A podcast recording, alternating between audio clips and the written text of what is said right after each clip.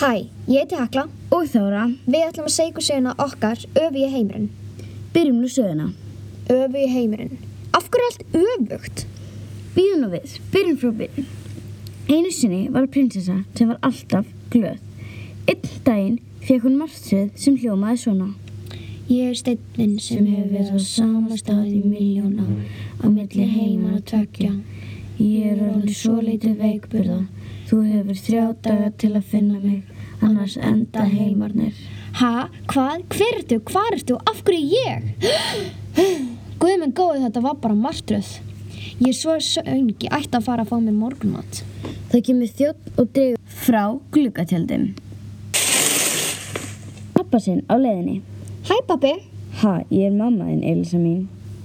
hvað meinaru? Ég hef alltaf verið mamma þinn. Ó, ég er bara að grínast. Hún lappar inn í matsalinn og borðar morgunmat á meðan hún hugsar um hversu skrítið þetta var. af hverju er allt öfugt?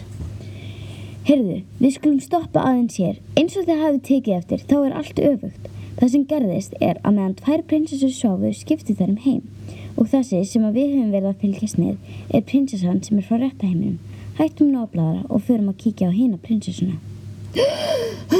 Þetta var góður draumur. Úff, ég er svo sött. Fyrirgeðu mér, ég glimti að segja að hún talar öfugt því að hún er frá öfu á heiminum. Til dæmis góður draumur þér martröð eða vondur draumur og sött þér sveng. Höldum áfram með söguna. Ég ætti alls ekki að fá mér á mo- morgunmat. Á leiðinni heitir hún vin sinn Gunnar sem heitir Guðlaug í hennar heimi. Hæ Guðlaug, hvað ert að gera hér? Í fyrsta lagi, ég heiti ekki Guðlaug, heldur Gunnar og ég er hér því að pappið þinn sendi mig, hann sagði að þau hefði verið að dreyma illa. Ha, nei, mér hefur ekki verið að drýma illa, mér hefur verið að dreyma vel. Ok, en Elisa, af hverju kallaður mig Guðlaug ef ég heiti Gunnar? Um, vegna þess að þú heitir Guðlaug og af hverju kallaður mig Elísu ef að ég heiti ekki Karl. Ha, af hverju talar það svona vittlust? Ég held ég sé ekki frá þessum heimi. Ok, stoppum hér, förum til hinna prinsessunar. Elisa ákveður að fara í göngutúr og þar hittir hún vin sinn Gunnar sem heitir Guðlaug í þessum heimi. Gunnar, ég er svo glöð að sjá þig.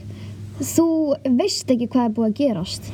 Í fyrsta lagi, ég heiti ekki Gunnar. Já, ég veit, en ég held að ég sé ekki frá þessum heimi. Hvað meinaru?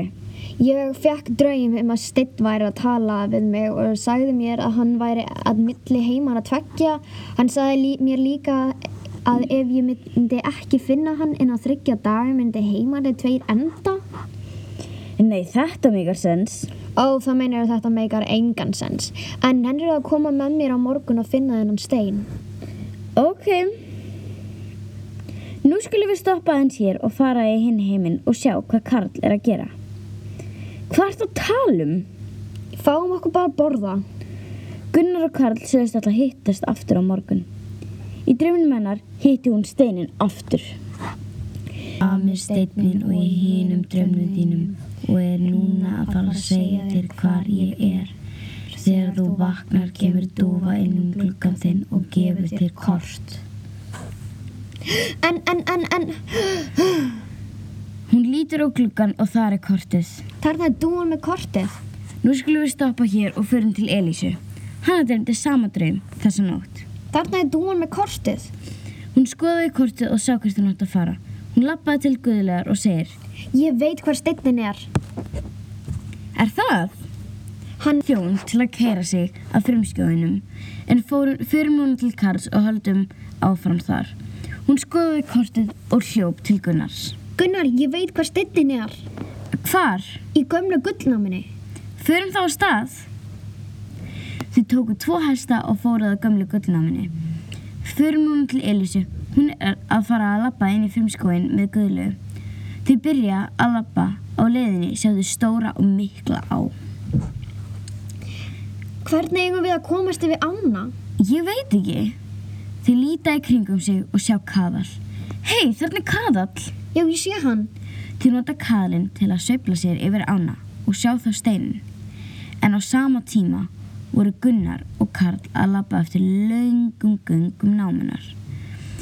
Þau fundu þar steinin.